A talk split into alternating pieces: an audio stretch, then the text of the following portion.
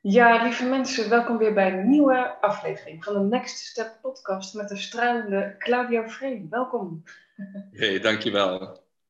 Ja, en je hebt een mooie sportten nu aan. Kom je nu ook uit de sportschool? Uh... ja, ik heb, net, uh, ik heb net les gegeven buiten en ook uh, online lessen opgenomen. Dus ja, ik ben helemaal al in de sportmoed vanochtend. Ja, want je bent echt een businessman, zoals je zelf beschrijft.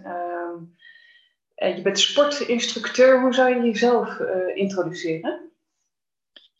Uh, dat is altijd een goede vraag. Ik zou mezelf introduceren als een ondernemer met een passie voor gezondheid in de breedste zin van het woord. Um, daar is sport en voeding een belangrijk onderdeel van. Um, ik doe nu steeds meer online, dus online ondernemerschap is steeds meer essentieel onderdeel geworden van wat ik dagelijks doe.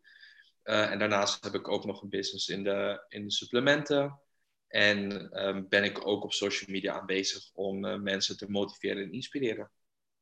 Ja, geweldig. En we kunnen je ook van, we, kennen ook je van tv, hè? Als ik op jou google. Want dat, dat... Oh ja, inderdaad. Ja. Ik ben op tv geweest. Jezus, ben ik helemaal vergeten. Dat is geen ambitie meer van je. Op tv kwam, nou ja, het is niet per se een expliciete ambitie, maar ja, het is gewoon gebeurd. En het zal ongetwijfeld vaker gebeuren. Ja, dus dat past bij de, bij de business en de branding. En, je kunt bijdragen vanuit je expertise vooral waarom niet? Exact. En vanuit mijn levenservaring in de breedste zin van het woord. Ik denk dat um, iets wat heel mooi is als ondernemer, tenminste ik vind dat. Hè, als ondernemer heb je wel, um, ben je in de gelegenheid om um, ja, net wat meer te zeggen of te vinden. En daardoor kan je mensen wel bereiken en inspireren of een verschil maken in het leven van anderen. En uiteindelijk is dat wel waar ik het voor doe. Ja, in de laatste aflevering uh, van de Next Step podcast uh, interviewde ik Mijntje. Heb je die toevallig misschien gezien? Of... Ja, wat ik, nou, wat ik zo interessant vind is, uh, zij richt zich heel erg, eigenlijk op een onbewuste manier, maar nu praktisch ingezet met, met het hebben van een doel. Dat kan heel klein zijn, bijvoorbeeld een, eh, een wandeling maken om tot rust te komen.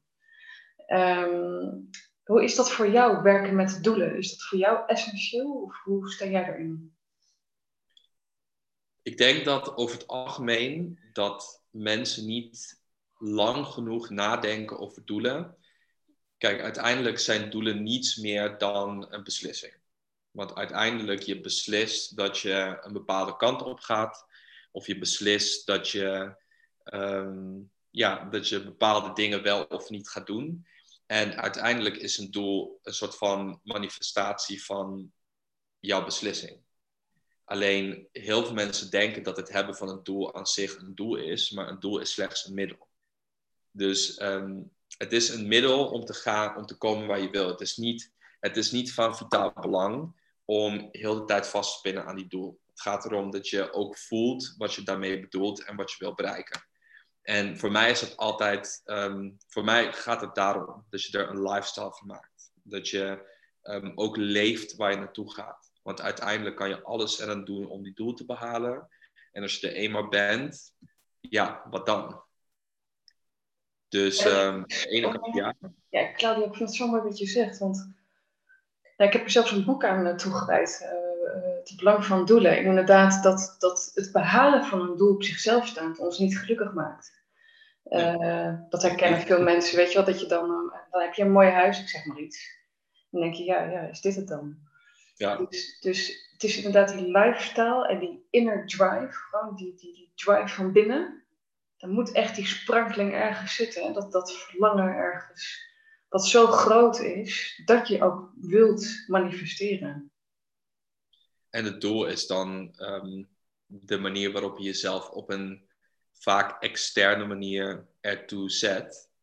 Um, maar uiteindelijk moet het van binnenuit komen. Dus het doel, ja, het, is, het mag groot en je mag het uitspreken en het drijft heel veel mensen naar voren.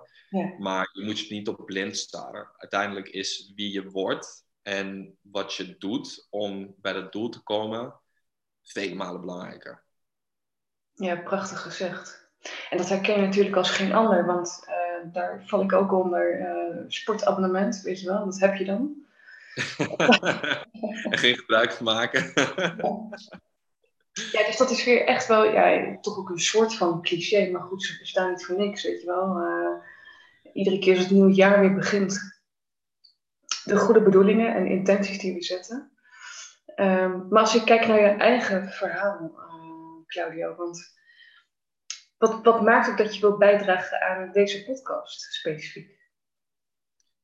Um, ik, zag, ik zag, kijk, uiteindelijk de reden waarom ik bij jou was gekomen is omdat, um, ja, eetstoornissen of moeilijkheden in de breedste zin van het woord op een positieve manier worden, worden belicht. En, en um, ja, ik, ik voel daar wel wat voor. En ik denk dat over het algemeen mannen daar minder snel over praten. Uh, over hun tegenslagen en over wat, er, wat ze allemaal hebben meegemaakt en dat vervolgens positief inzetten. Um, ja, het is, het is voor mij nog een heel onderbelicht onderwerp, terwijl er echt heel veel mensen last van hebben.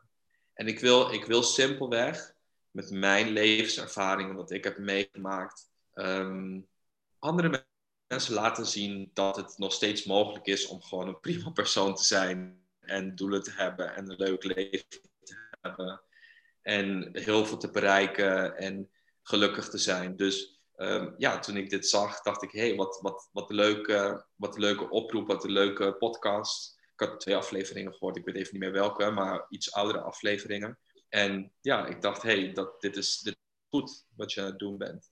En het is goed dat het vaker besproken wordt. Ja, mooi. Fijn dat je wilt bijdragen, want ik heb inderdaad tot nu toe, uh, ben je de tweede man, uh, zou maar zeggen, die uh, zich heeft aangemeld. Uh, ja, pushen werkt ook niet. Je moet er zelf ook aan toe zijn om het verhaal te delen. Veel mensen vinden het ook spannend, merk ik, bij mijn gasten. Um, maar goed, als je dus een doel hebt, je wilt bijvoorbeeld in jouw context, in jouw business, meer gezond, fit worden, lekker in je vel zitten. En daar een doel voor stellen, dan heb je vaak oorzaken waar mensen tegenaan lopen. En dat vraagt toch ook dat moeilijke gesprek te voeren in jezelf en, en ook met elkaar, kan ik me voorstellen. Loop je hier ook tegen aan, wat je ook zegt, dat dus onderbelicht is. Dat, dat als je kijkt naar de mannelijke doelgroep, dat ze zich nog niet vrij genoeg voelen om zich uh, hierin te uiten. En dat gaf je een beetje aan, ja, dat speelt zeker mee. Hoe kun je dat toch in beweging brengen? Alles begint met erover praten. en en um, ook de schaamte eraf halen ik kan me nog herinneren toen ik begon met. Um, toen, toen ik voor het eerst toegaf naar mezelf dan dat ik, uh, dat ik een eetstoornis had of had doorgemaakt of hoe je het ook wilt benoemen. Um, ik had heel veel schaamte. Ik voelde me echt een soort van. Ja, je voelt je echt een loser. Ik denk dat dat echt uh, de lading dekt voor mij. Ik voelde me echt een enorme loser. Ik dacht echt. Um, uh, een van de stomste dingen die je kan hebben is een eetstoornis. Ik bedoel, van alle dingen die je kan krijgen, is dan een eetstoornis volgens mij echt een soort van het meest suffe. En ja, daar zat ik dan met mijn eetstoornis. Dus het was een soort van, het was een soort van echte karma. Maar um, tegelijkertijd, uh, het, is, het is gewoon een realiteit. Het is een kopingsmechanisme waar, waar je ja, wel of geen aanleg voor hebt. En um, uiteindelijk helpt het om het er gewoon over te hebben. Want het heeft een oorzaak, het heeft redenen. Uh, en de enige manier om mee te dealen is om te gaan kijken van... hé, hey, wat, wat zit daar eigenlijk achter? Want ja, want als ik, heeft... ja, want als ik kijk naar jou, Claudia, hoe oud was jij in die leeftijd dat je een eetstoornis kende? Hoe lang heeft die periode geduurd? Um, nou, het heeft wel echt zeker vier jaar geduurd. Nou, van mijn 20ste, 21ste tot 24, 25 ongeveer. Dus uh, best wel lang nog. Maar ja, er zijn mensen die er veel langer in zitten of veel korter. Um, maar het voelde wel als heel erg lang. Vooral dat. Het voelde echt eindeloos. En um, ik ben blij dat ik eruit ben, maar dat kon dus alleen maar door erover te praten. En, en, ja, en heel veel ja. bij het gevoel te komen. Bij het gevoel te komen, ja, emotieregulatie. Um, wat is jouw leeftijd nu, Claudio? 26. 26? Ja. Dus dat is wel nog best wel recent. Uh, ja, ja, ja twee, ongeveer twee jaar, inderdaad. Zomer 2018, ja. Maar het voelt, het voelt echt als uh, tien jaar geleden. Het voelt echt Ja. als een different lifetime.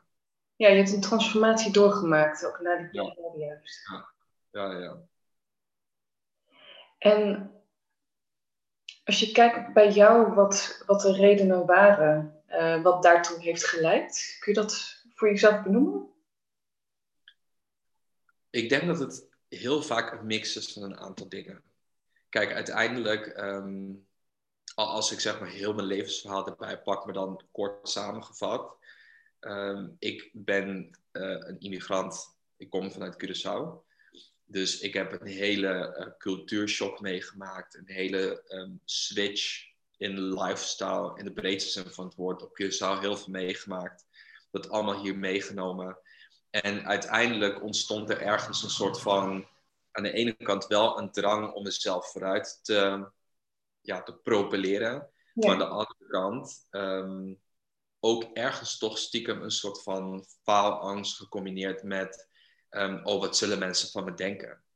Ehm, ja, en, en, en ook heel erg controlebehoevig zijn. Dus echt eh, de, de, de, de controle willen hebben over mijn leven, de regie willen hebben over mijn leven na een hele lange periode waar ik dat juist totaal niet had voor mijn gevoel. ehm, zorgde er dus voor dat ik ja, binnen voeding dat ben gaan doen, omdat je natuurlijk absolute controle hebt. Ehm, tenminste, voor jouw gevoel. Ja. Maken met controle en, en, en zelfbeeld en acceptatie en, en wat andere mensen van je denken. En ik denk dat, dat ik dat allemaal voelde. En het was een manier om te dealen met alles wat er gaande was, zowel extern als intern. Ja, en hoe lang woon je nu in eh, Nederland? Ehm, nu acht. Nu ehm, 8,5 jaar. Dus zomer 2012 was ik verhuisd vanuit mhm. Curaçao. Dus nu, um, ja, 8,5. Maar ook dat voelt echt als ehm, veel langer. Ja. En was ook een van de redenen je coming out dat je op mannen valt eh, op Curaçao en, wat die, en die nasleep daarvan naar Nederland toe, wat ook meespeelde? Ja, zeker, zeker. Kijk, weet je, ik, eh, ik stapte dus in een, in een wereld eigenlijk. Kijk, mijn wereld op Curaçao was school, familie, ehm, kerk, dat wat er op het eiland gebeurde.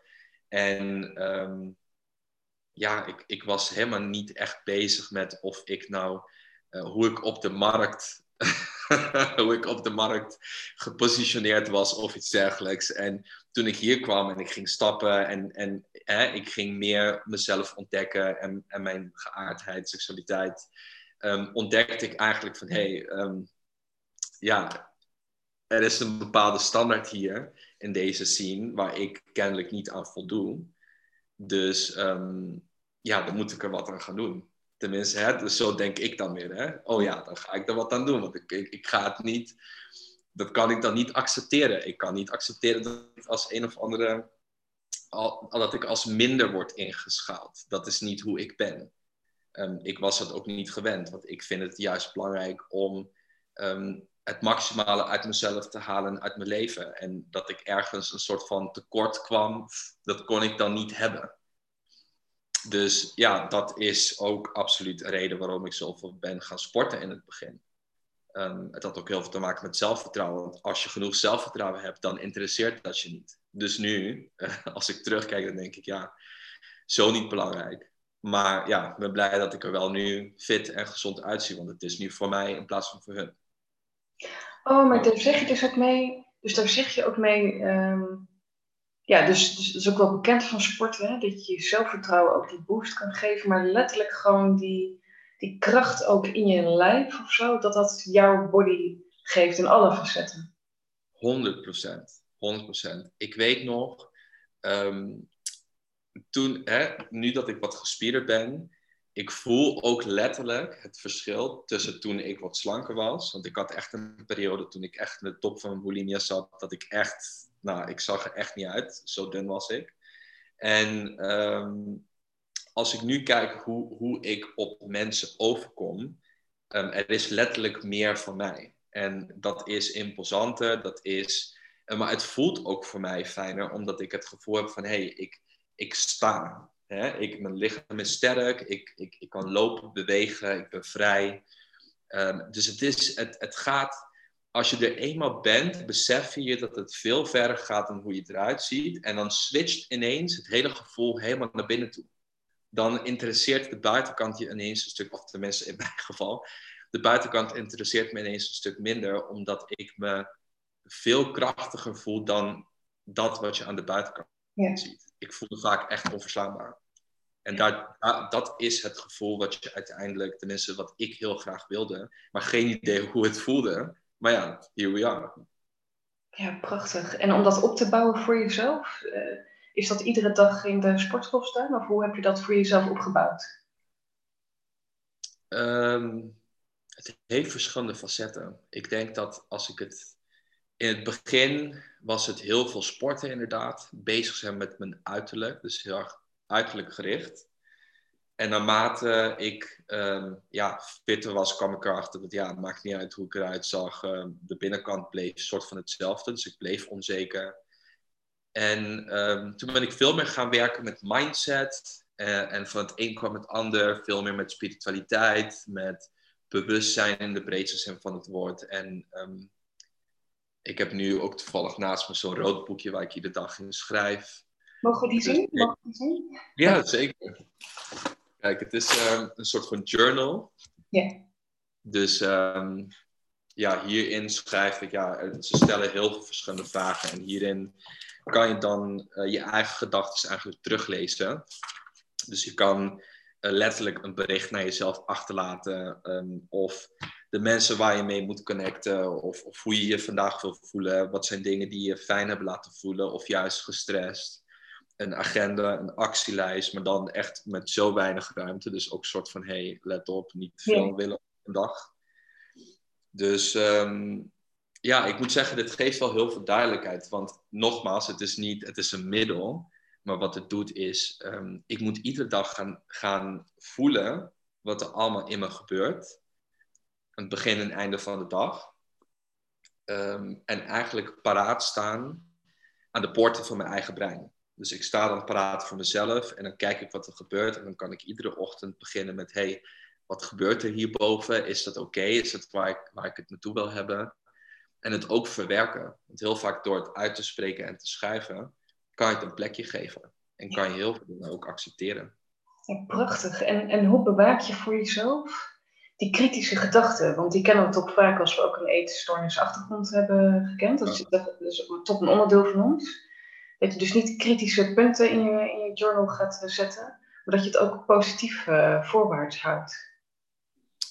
Ik denk dat um, ik, ik, heb al lang, ik heb het al lang losgelaten, Maaike. Ik, ik ben niet meer uh, ik ben wel vaak hard voor mezelf in de zin van ik wil wel veel. Ja. Um, maar ik ben zo gaan voelen dat de enige manier waarop ik duurzaam mezelf vooruit kan helpen um, of vooruit kan gaan lopen, is door dat juist veel liefdevoller te doen. Uh, dus ik praat niet meer tegen mezelf in termen van loser en dat ja. soort dingen. Um, ik kan het wel voelen en dat zien, maar de ik in mij um, praat nooit meer tegen mezelf op die manier. Dus um, ik praat eigenlijk heel, ik schrijf heel lieve dingen naar mezelf. Het, het hoeft niet uh, zo, zo bemoederend te zijn, maar wel gewoon als de vader die ik voor mezelf zou willen zijn.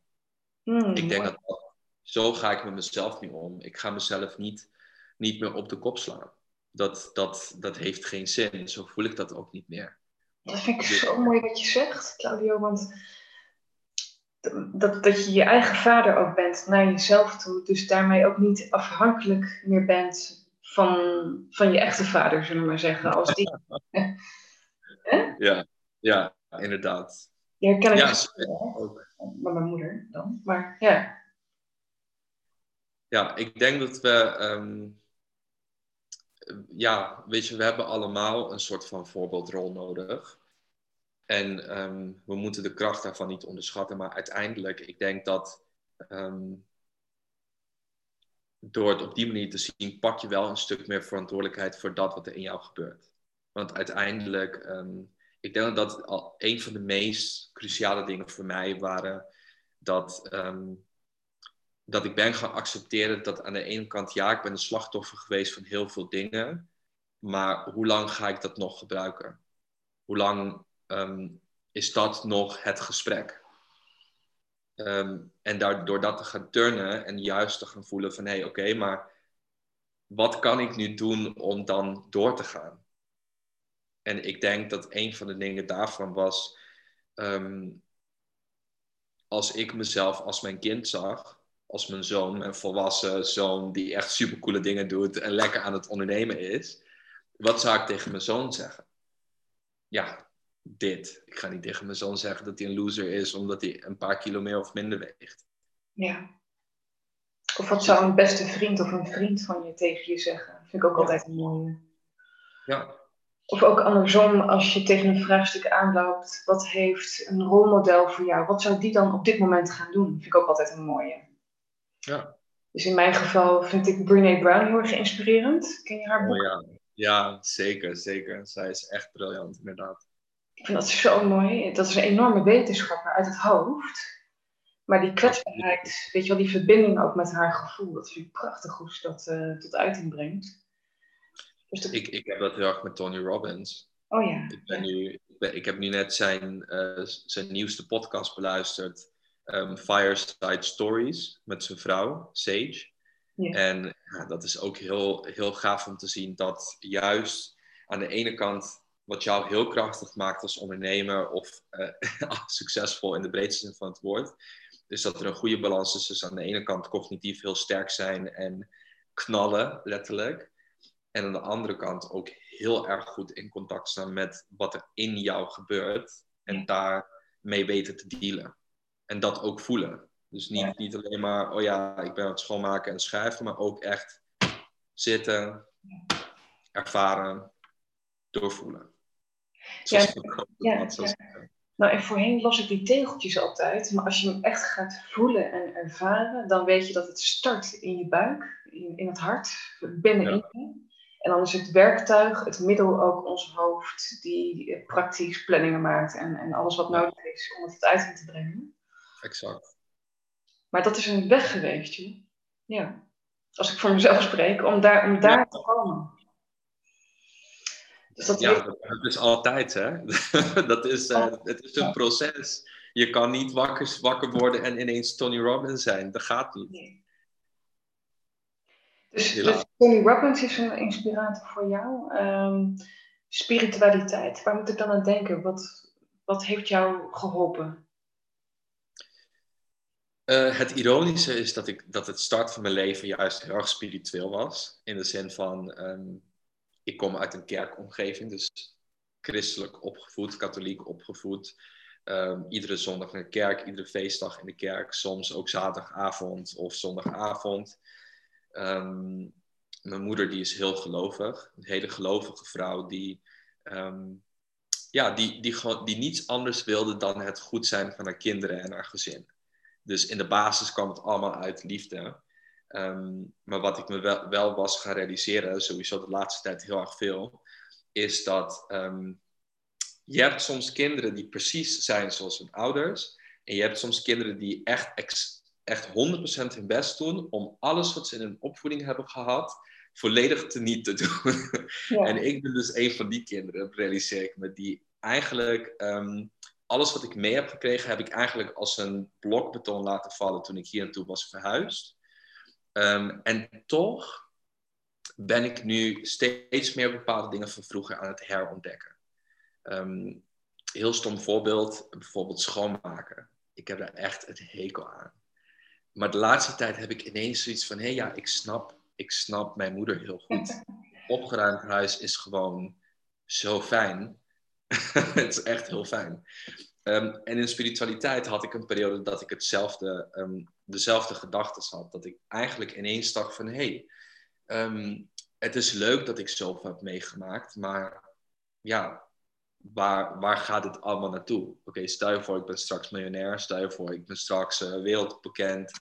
Stel je voor, ik ben straks gelukkig. Uh, en dan? Wat, wat komt er daarna? Dus ineens had ik een soort van moment dat ik alles ging extrapoleren naar helemaal het einde. En toen dacht ik, oké, maar wat, oké, dan heb ik alles en dan. Ja, en op dat moment ben ik eigenlijk heel erg gaan voelen van hé, hey, dit, er moet een soort van hoger doel in zitten. Voor mezelf dan, hè. Dat, ik voelde heel erg die behoefte. Ehm, ja, en dat ontstaat gewoon. Dus veel meer gaan lezen over spiritualiteit en de breedste zin van het woord. Ehm, en dat heeft niet altijd te maken met God, of Allah, of Boeddha, of wie je ook aanbidt, of wat, wat, je, wat je religie ook mag zijn.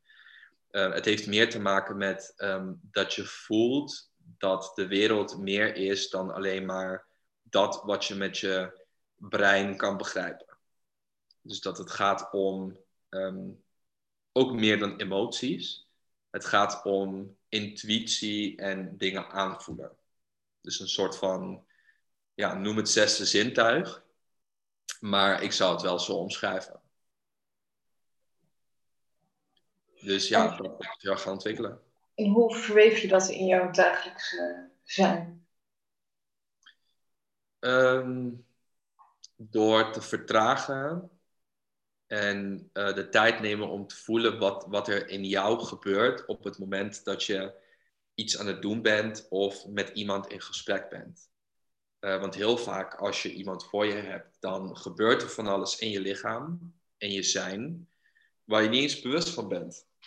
Noem het ondernemersinstinct, noem het uh, een gevoel, noem het whatever je wil. Um, ik zie dat als een gedeelte spiritualiteit, dat je in staat bent om die persoon te waarnemen en vervolgens ook te voelen van, hé, hey, wat um, zit hier wat in? En dat klinkt misschien heel vaag, maar... Ook dat is ervaren, hè? Ja. ja, dat is ook ervaren. Instinctief, eigenlijk binnen de eerste halve seconde weet je precies wat voor persoon je voor je hebt hè, in grote lijnen en of het wat gaat worden, zakelijk, privé. Um, dus dat, ja, zo integreer ik het. En, en ook met hoe ik me voel, waar ik naartoe wil, wat ik wil manifesteren. Um, mijn missie op aarde, ja, dat, dat, dat voel ik dagelijks. Ja, en als ik ook voor mezelf spreek, ik vond het ook een stukje spannend, dat uh, spirituele stuk. Uh, want dat woord, daar krijg ik allemaal associaties bij. Terwijl ik het zie als een hoge mate van bewustzijn, weet je wel. Uh, maar als ik dus terugkijk naar mijn roots, um, waar ik vanaf probeerde te rennen. um, maar mijn moeder bijvoorbeeld, die is enorm spiritueel. Alleen ze heeft het nooit geuit. Maar ja, van Indische afkomst, uh, heel die familie heeft wel prachtige talenten daarin. Uh, dus eigenlijk ontkom ik er niet aan, want dan ontken ik ook een stuk van mezelf. Weet je wel? En ben je dan ook bang dat uh, wat andere mensen ervan gaan ja. vinden? Ja, kijk, ik, ik deel nu gezellig op een podcast, dus Oladie, dus zo ben ik ook weer. Ja, ja. Um, dus, dus ik kies ook ervoor om dingen te doorbreken voor mezelf, ook al vind ik het spannend. Um, um, ik kan aura's en chakra's heel easy lezen. Ik, ik, ben sinds een paar weken bezig met tekeningen te maken. Ik kan van jou nu zo'n tekening maken. Het is gewoon spot on met, met info wat ik gewoon door, wat ik gewoon aanvoel, laat ik het zo zeggen. dus die wil ik ook graag geven. stuur maar, maak maar een foto, stuur maar op. Ben heel benieuwd. Ja, en dat is, en, maar dat vraagt vertrouwen. Dat heb ik in ieder geval ervaren.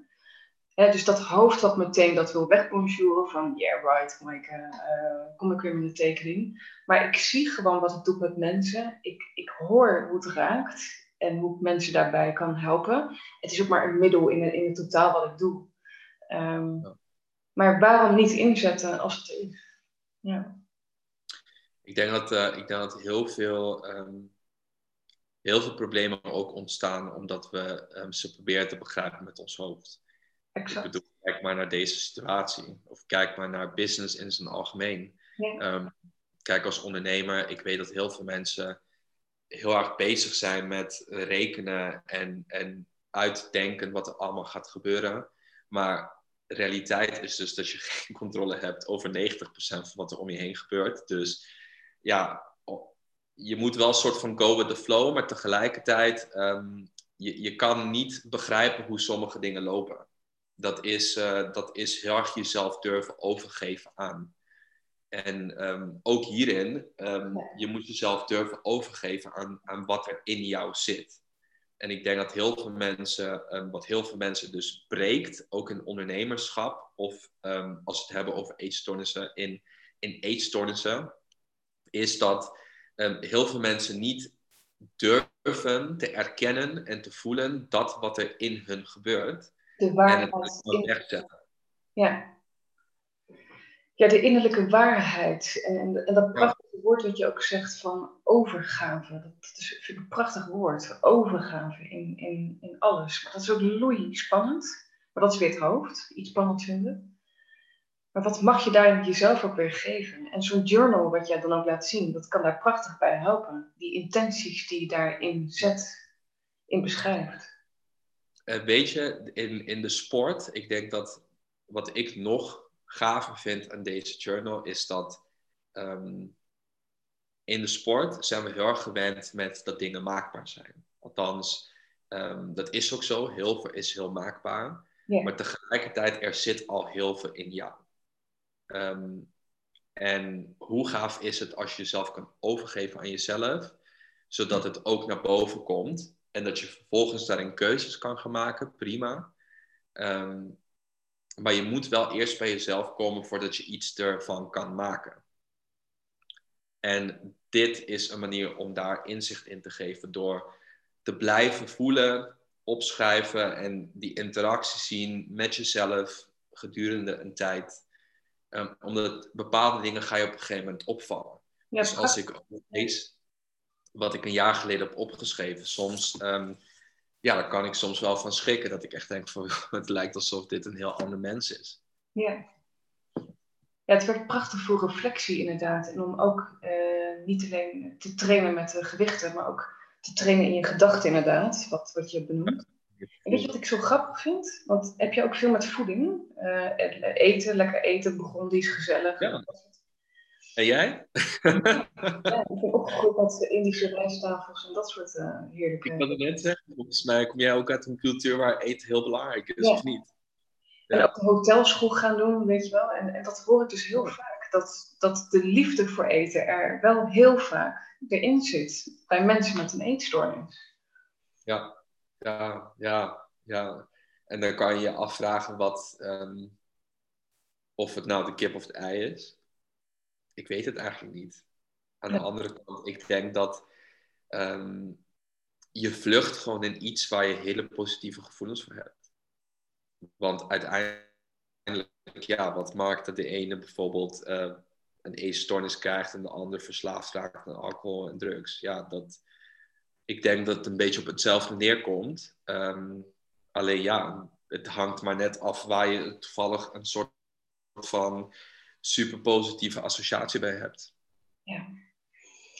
En als je kijkt naar eetproblematiek in Nederland, hè, als je een eetstoornis hebt, dan heb je de diagnose gekend vanuit een, uh, vanuit een professional, weet je wel, een, een, kliniek, een instelling, via de huisarts doorverwezen, dat je in het systeem zit van, van de zorg hieromtrent.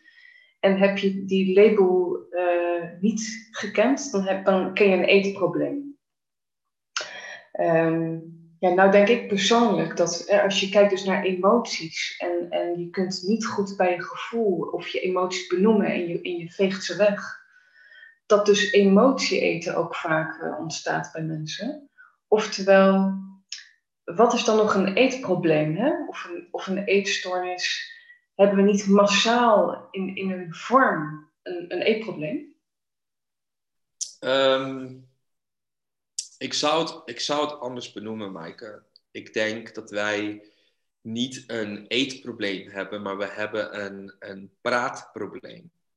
Mm. Wij, um, wij als mensen en misschien in Nederland, ik weet niet hoe het in andere landen zit, maar hoe ik het ervaar hier in Nederland, is dat wij um, aan de ene kant um, heel goed zijn in, in dingen aan elkaar vertellen en dingen zeggen.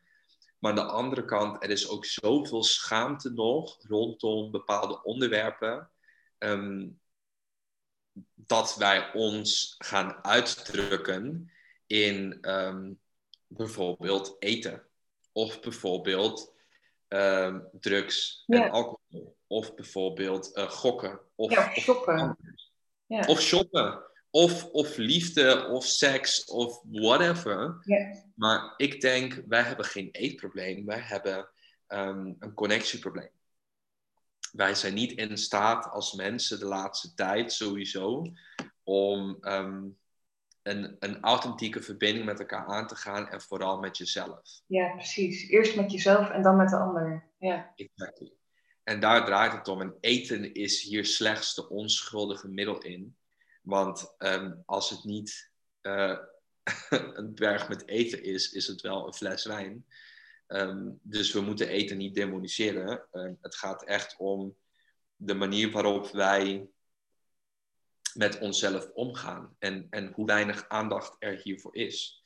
Vanuit de opvoeding of vanuit, ja, in de breedste zin van het woord. Er is te weinig aandacht voor de gezondheid van mensen in de breedste zin van het woord. Zowel fysiek als mentaal. En dit is absoluut een mentale welzijn. Ja, absoluut. Ja, heel interessant, want, want dan, dan, dan hebben we het over een eetprobleem of een, sorry, een eetprobleem of een eetstoornis. Daar hebben we onze eigen definities uh, natuurlijk bij.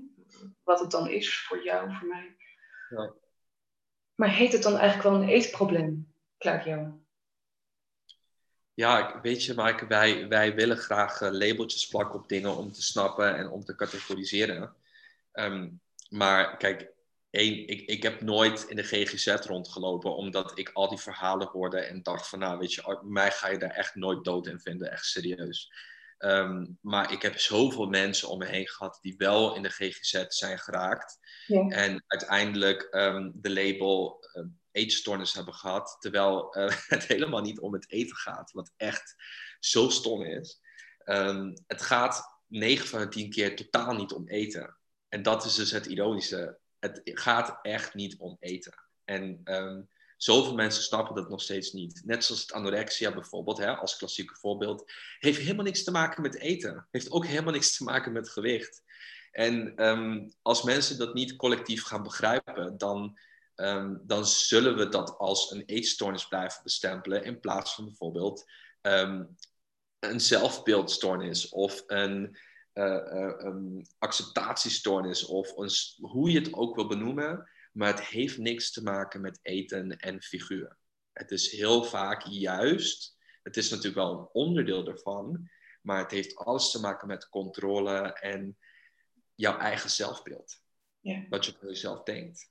Ja. Dus, um... ja, ik voel hem heel erg, ik, ik, hoe je het beschrijft. Want, want ken je veel mensen om je heen ook in de wereld waarin je zit? Wat is de wereld? Maar goed, in, in de sportwereld?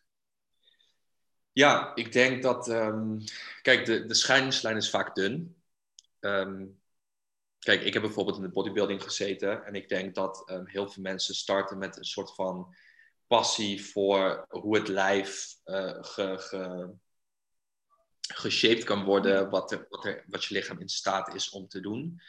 Uh, maar ik denk dat heel veel mensen zich vervolgens verliezen in um, het proces en vergeten waar ze nou daadwerkelijk die passie voor voelen. Dat het gaat om bijvoorbeeld dat ze, dat ze zo onder de indruk zijn van wat het lichaam allemaal kan en hoe het eruit ziet en, en hoe jouw eigen lichaam kan, uh, uh, kan presteren onder bepaalde omstandigheden um, ja, dat vergeten ze gewoon. En vervolgens draait het alleen maar om, oké, maar hoeveel millimeter minder, vet, minder huidplooi heb ik? Um, maar ook in de sporterswereld. Ik weet nog, toen ik begon, een paar jaar geleden bij een sportschool, die ik nu even niet ga benoemen. Um, ik liep daar rond met heel veel fit girls en mensen die nu uh, super insta-famous zijn en, en boeken hebben geschreven van alles en nog wat. Als ik kijk naar hoe zij zich toen de tijd um, ja, gedraagden, ja, dat is absoluut weer tussen aanhalingstekens eetstoornis. Maar again, dat helemaal niks te maken met eten. Nee. Helemaal niks te maken met sporten, maar alles te maken met wat vinden mensen van me. Ben ik goed genoeg? Um, ik wil heel graag opvallen. Ik wil heel graag vriendjes zijn. Ik wil heel graag liefde ontvangen. En dan was dit een middel, want ja, ze zag er wel een soort van goed uit. En als ze er beter uitzagen, kregen ze meer aandacht. Ja, dat wilden ze. Liefde, acceptatie, um, het gevoel hebben dat ze goed genoeg zijn. Dus het is, het is niet zo heel moeilijk als je even uitzoomt. Dus heel veel mensen hebben hier last van. Ja, ieder mens wil gehoord en gezien worden. Ja, ja tuurlijk. En als je 100 likes is, uh, 1000 likes voelt toch vaak fijner dan 50 likes. En eh, daar komt dus dat stukje verslaving bij kijken. Ja. Heb jij dat ook met de likes? Hoe ga jij ermee om? Toevallig heb ik hier ook uh, een interview over afgegeven. Oh, Ik heb, uh, ik heb uh, mijn account is nu toevallig geblokkeerd. Daar had ik 2300 volgers of zo op. Yeah. Um, maar ik weet nog toen ik 1500 volgers had, toen ik ook helemaal in die bulimia-periode zat en met mezelf bezig was op die manier, had ik dus volgers gekocht. Uh, met het idee van als ik dat doe, dan ben ik cooler. ik vind, ja, weet je, het leuke is dat ik dat nu kan vertellen. Hè? Dus ik heb iedere fout gemaakt die er mogelijk is. Um, maar toen kwam ik erachter dat het eigenlijk leeg en betekenisloos was. En dat die likes, ja, weet je, of je er 100 of 200 krijgt, of 300 of 400, ja, weet je, het maakt zo niks uit. Het, is, het is natuurlijk leuk aan de ene kant. Um, maar ik heb dat ook helemaal buiten mezelf gezet. Kijk, ik vind het, um, ik heb het nu omgedraaid. Niet hoeveel likes krijg ik, maar hoeveel mensen kan ik bereiken. En dat voelt compleet anders. Waardoor de ja, focus. charge. Ja. Niet alleen maar dat, maar um, het gaat dan niet meer om die foto. Het gaat om wat ik te melden heb. Ja, van binnenuit en niet afhankelijk van uh, de likes outside. Ja. En weet je wat echt heel grappig is? Dan gaat het vele malen ja. hard. Dat is bizar. Bent. Mensen voelen dat.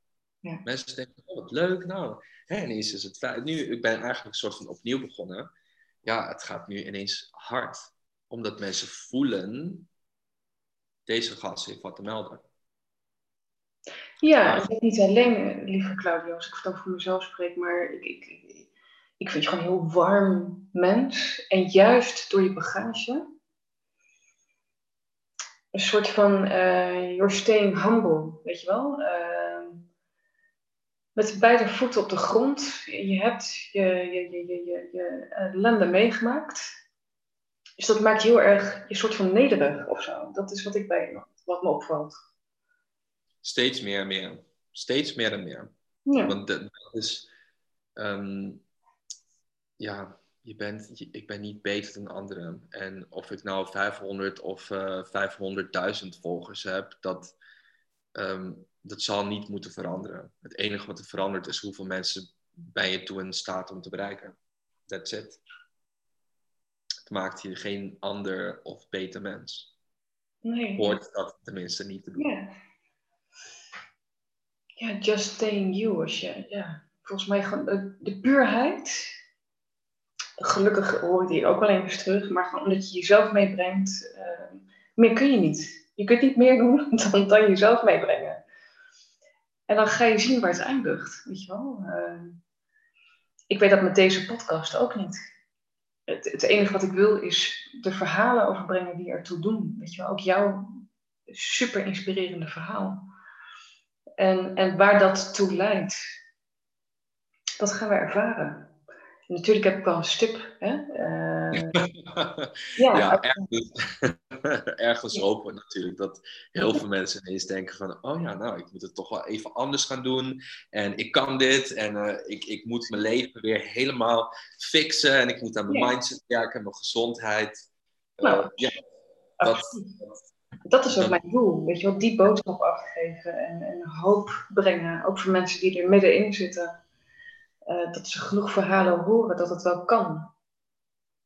Uh, hey, Maaike, dat maakt een verschil.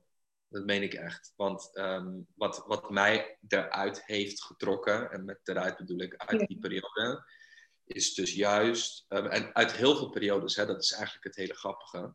Um, ik weet nog toen ik in de kast zat op de Antillen, dat datgene wat mij vooruit drijfde, was, het waren de verhalen van mensen die, ja, gewoon hele gewone mensen, die, die hele fijne, gelukkige, uh, betekenisvolle levens leiden. En ik zag dat op YouTube en ik luister naar video's.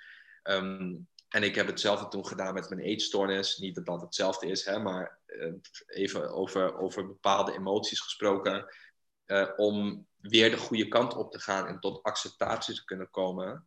Um, was het heel fijn om te lezen en te horen over de verhalen van mensen die dat hebben doorgemaakt of die erin zaten.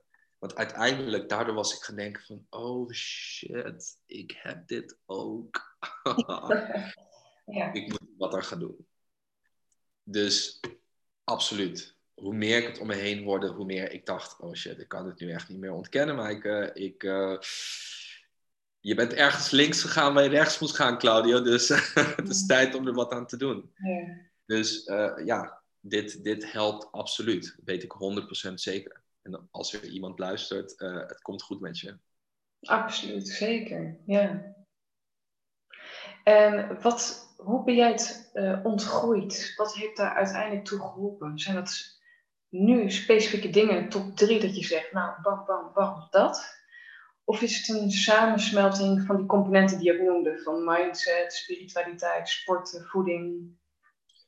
Uh, ja, uh, en ik denk als ik dan drie concrete dingen kan bedenken die mij heel veel hebben geholpen, um, is het eerste, ik weet nog dat ik mezelf toestemming gaf om het gewoon te doen. Dat is het allerbelangrijkste. Dus um, voorheen, uh, ik denk eerst um, twee, drie jaar, was ik altijd aan het vechten tegen, tegen de binges. En ik was uh, iedere keer uh, zo'n kramp en dan vervolgens toch een soort van bijna kruipen naar de koelkast en dan vervolgens alles leegvreten.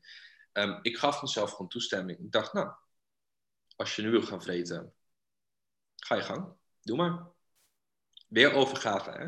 Ja. Dat maakt echt een verschil, waardoor ik eigenlijk op dat moment was gaan voelen van, oh ja, steeds vaker besefte ik me tijdens het eten van, dit smaakt eigenlijk helemaal nergens naar en ik heb hier eigenlijk helemaal geen zin in. Want dit is niet, ja, ergens begonnen iets te klikken. Dat ik dacht van, ja, weet je, dit, nee. Tweede was, um, erover praten met. Um, dat is wel, dit is wel belangrijk, dus er niet zomaar met iedereen over gaan praten, maar praten met mensen die jou niet gaan oordelen en jou niet proberen te fixen. Want heel veel mensen met een welbedoelde adviezen um, maken het juist erger.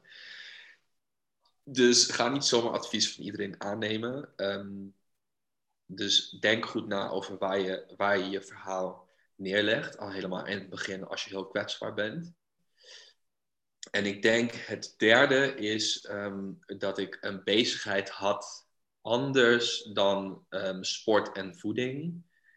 Wat ervoor zorgde dat ik dus um, ja, veel bewuster omging met, uh, met waar ik mee bezig was in het leven. En waardoor ik kon uitzoomen. Ik kon even uitstappen uit de hele cirkel van huis, gym, supermarkt, toko, McDonald's.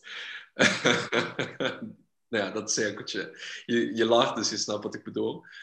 Um, ja, dat, dat hielp ook heel erg. Dus, dus die drie dingen, dat zijn um, dingen die mogelijk een ander ook heel goed zouden kunnen helpen. Dus ik kan het een ieder ook echt aanbevelen.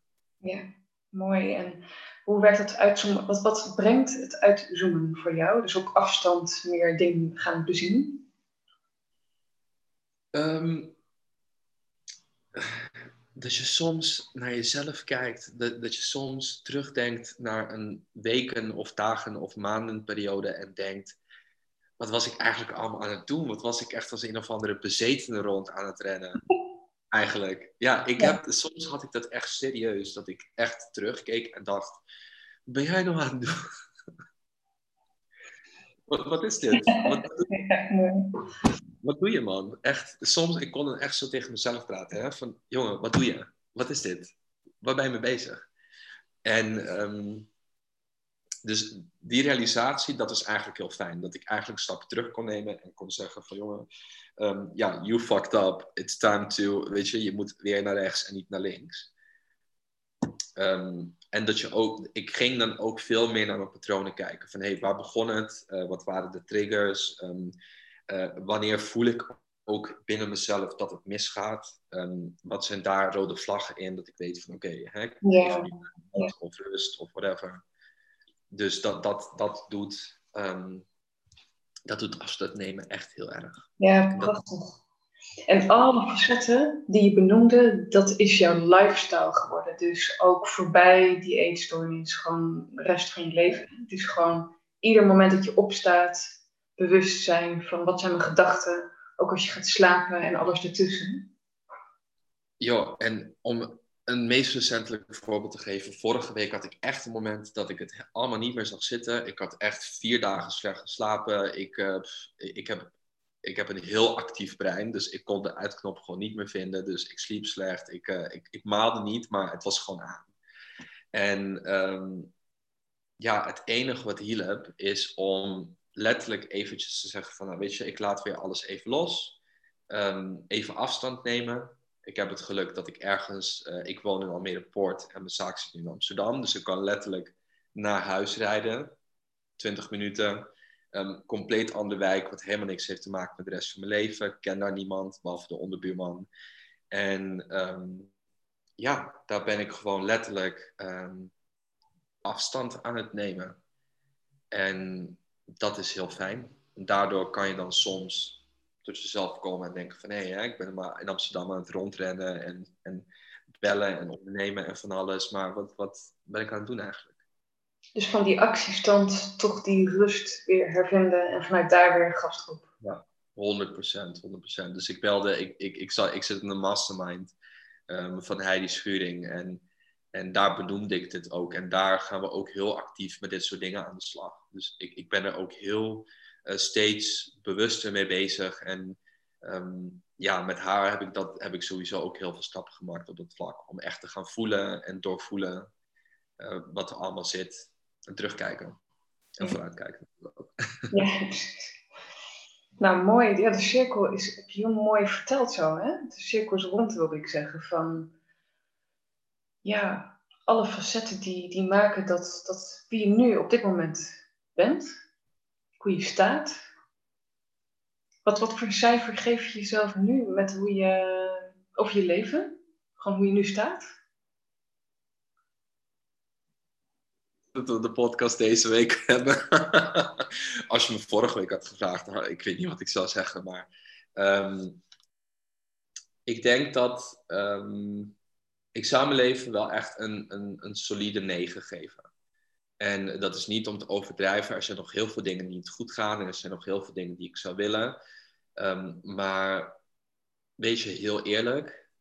Um, corona was echt een heftige periode. Ik heb mijn sportschool moeten sluiten. Um, afscheid genomen van heel veel dingen waar ik juist uh, heel veel voor voelde. Ja. En tegelijkertijd realiseer ik me meer dan ooit. Ik had het echt deze week. Ik werd ineens wakker en ik keek om me heen. Dat had ik zondag. En ik keek om me heen in mijn huis. Ik heb heel veel planten thuis. En, en ik heb echt mijn eigen plek nu. En ineens, ik was zo gevuld met een gevoel van... Hoe gaaf is het dat, uh, dat dit gewoon kan? Er zijn mensen die niks hebben. En niet alleen maar dat, maar als ik dan terugdenk aan hoe ik me voelde um, tien jaar geleden op, uh, op de Antillen. En wie ik nu ben geworden en wat ik heb. En ik heb een fantastische partner ik heb, uh, ik heb hele leuke klanten. Ik, ik lach me echt. Ik, ik lach me echt een ongeluk iedere dag. Ja, hoe gaaf is dit? En de rest is echt bonus. En ja, weet je, het is niet om uh, de, spirituele guru uit te hangen, maar ik, ik, ik voel steeds meer dat je eerst dankbaar moet zijn en dat je dan klaar bent om te ontvangen. Je kan niet uit um, zoals Heidi dat altijd tegen me zegt, je kan niet, uh, uit tekort ontstaat er niet. Er moet eerst, je moet eerst die negen echt voelen, dat je het waard bent en dat je het ook hebt. En um, dan zie je het ook overal om je heen ontstaan. Dus uh, ja, een negen. Absolutely. Ik vind het ook heel goed klinken persoonlijk hoor. Dus je mag het ownen. Oeh, ja, heel fijn. Ben heel blij mee, oprecht. Maar ik voel heel erg wat je bedoelt. Uh, die negen, die zou ik ook mezelf willen geven. Hoe ik me in mezelf voel en, en wat daaruit ontstaat. Maar dat innerlijk spel blijft ook, weet je wel, dat maakt ook ons weer gewoon mens. Ja, precies, die golfbeweging. Dus. Het is een golfbeweging. Embrace it. Dat is dan ook wel weer wat uh, belangrijk is. Ja. Dat, maakt, dat maakt het verschil. Daar weet jij, daar ben je natuurlijk ook het voorbeeld van. Ja. Ehm, hoe zou je willen afsluiten? Is er nog iets wat je wilt uh, zeggen tegen jij die kijkt of luistert? Uh, Claudia Brand, sorry, Claudia. Ik zou het ook bij de start, sorry. Claudio. Even. Met enthousiasme. maar nog even. Ja, precies. Nee, dat... um, ik denk dat een van de belangrijkste dingen die ik zou willen meegeven aan, uh, ik denk mensen in het algemeen, maar ook vooral mannen, uh, wat ik zou verlangen van mijn uh, mannelijke medemens, is dat we um, ja, die hele wat is mannelijk bullshit een beetje opzij zetten en dan gewoon met elkaar in gesprek gaan. Um, en niet alleen maar dat, maar ik denk dat we, we zouden veel minder eetstoornissen hebben, maar sowieso ook veel meer succes hebben als we durven te accepteren wat er daadwerkelijk in je zit. Um, en of je het nou mooi of niet mooi vindt, ja, dat zal je later wel ontdekken. Um, maar je moet 100% eerlijk zijn naar jezelf toe. En, en alleen maar dan ga je je echte potentieel ontgrendelen. Dus wees oordeel niet. Um, wees ook niet bang. En um, weet dat wat het ook is dat je bent, mannelijk, vrouwelijk, um, straight, transgender, bi, um, arm, rijk, het is allemaal oké en het is allemaal mooi. Alleen jij moet het voelen en jij moet erin gaan staan. Want dan is het mooi. En ja, sport alsjeblieft vaak en blijf gezond. ja. Ja, ik zeg, uh, weet je wel, applaus als er een groot publiek was. Uh, staande ovatie. ja. Claudia, dankjewel voor het delen van jouw uh, verhaal. Voor je, voor je bijdrage, je openheid. Um, joh, ik wens je al wat moois. Um, meer voorspoed door het hele corona gebeuren in het aankomende jaar. En um, ja, bedankt dat je wilde bijdragen.